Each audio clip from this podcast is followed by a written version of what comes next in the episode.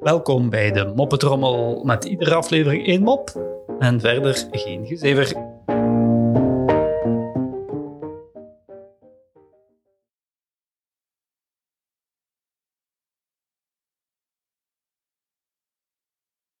Mark en eh, Jos zijn oude vrienden en komen elkaar na een paar jaar weer eens tegen. Mark ziet dat Jos zijn zaakjes goed voor elkaar heeft, want hij rijdt met een dikke Volvo. Mark vraagt aan Jos hoe het gaat en wat hij tegenwoordig doet.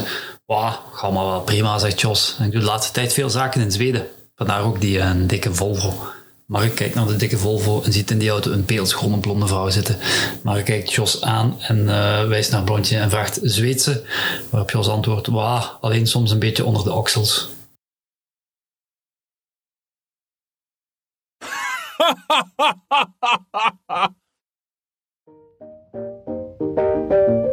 Zo, dat was de moppetrommel voor vandaag. En tot morgen.